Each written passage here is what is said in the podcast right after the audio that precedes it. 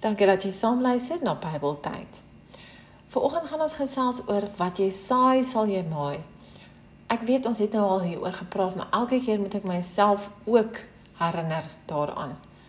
Dit is soos um ja jouself miskien ook baie keer moet herinner aan goedjies wat jy moet doen op 'n daaglikse basis wat nie uh, goed is in die oë van die Here nie. So kom ons lees uit Galasiërs 6 vers 7 tot 10. Moenie jouself mislei nie. God laat nie met hom spot nie. Wat 'n mens saai, dit sal hy ook oes. Wie op die akker van sy sondige natuur saai, sal van die sondige natuur dood en verderf oes. Maar wie op die akker van die gees saai, sal van die gees die ewige lewe oes. Laat ons dan nie moeg word om goed te doen nie, want as ons nie verslap nie, sal ons op die bestemde tyd ook die oes insamel. Solank ons die geleentheid het, moet ons dus aan almal goed doen, veral aan ons medegelowiges. Ek het onlangs hieroor gepraat ook. Dit was ook my oggendstukkie.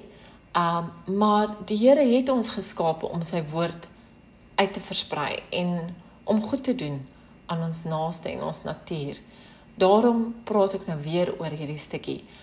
Wanneer ons goed doen, sal dit met oorvloed terugkom na ons toe. Hoe kan ons mense help en goed doen vir hulle? Hier is 'n paar voorbeelde. Luister en ondersteun mense en gee jou beste raad. Komplimenteer mense. Waardeer mense en die natuur ook. Laat mense voel hulle is belangrik veral as hulle arm is of as hulle baie siek is. Gee 'n geskenk aan 'n onbekende persoon op straat. Gaan sit by iemand wat 'n familielid of vriend afgestaan het aan die dood. Soos ek al voorheen gepraat het in die Bybeltyd, bou op en moenie afbreek nie. As jy gaan afbreek, sal dinge in die lewe nie vir jou goed uitwerk nie.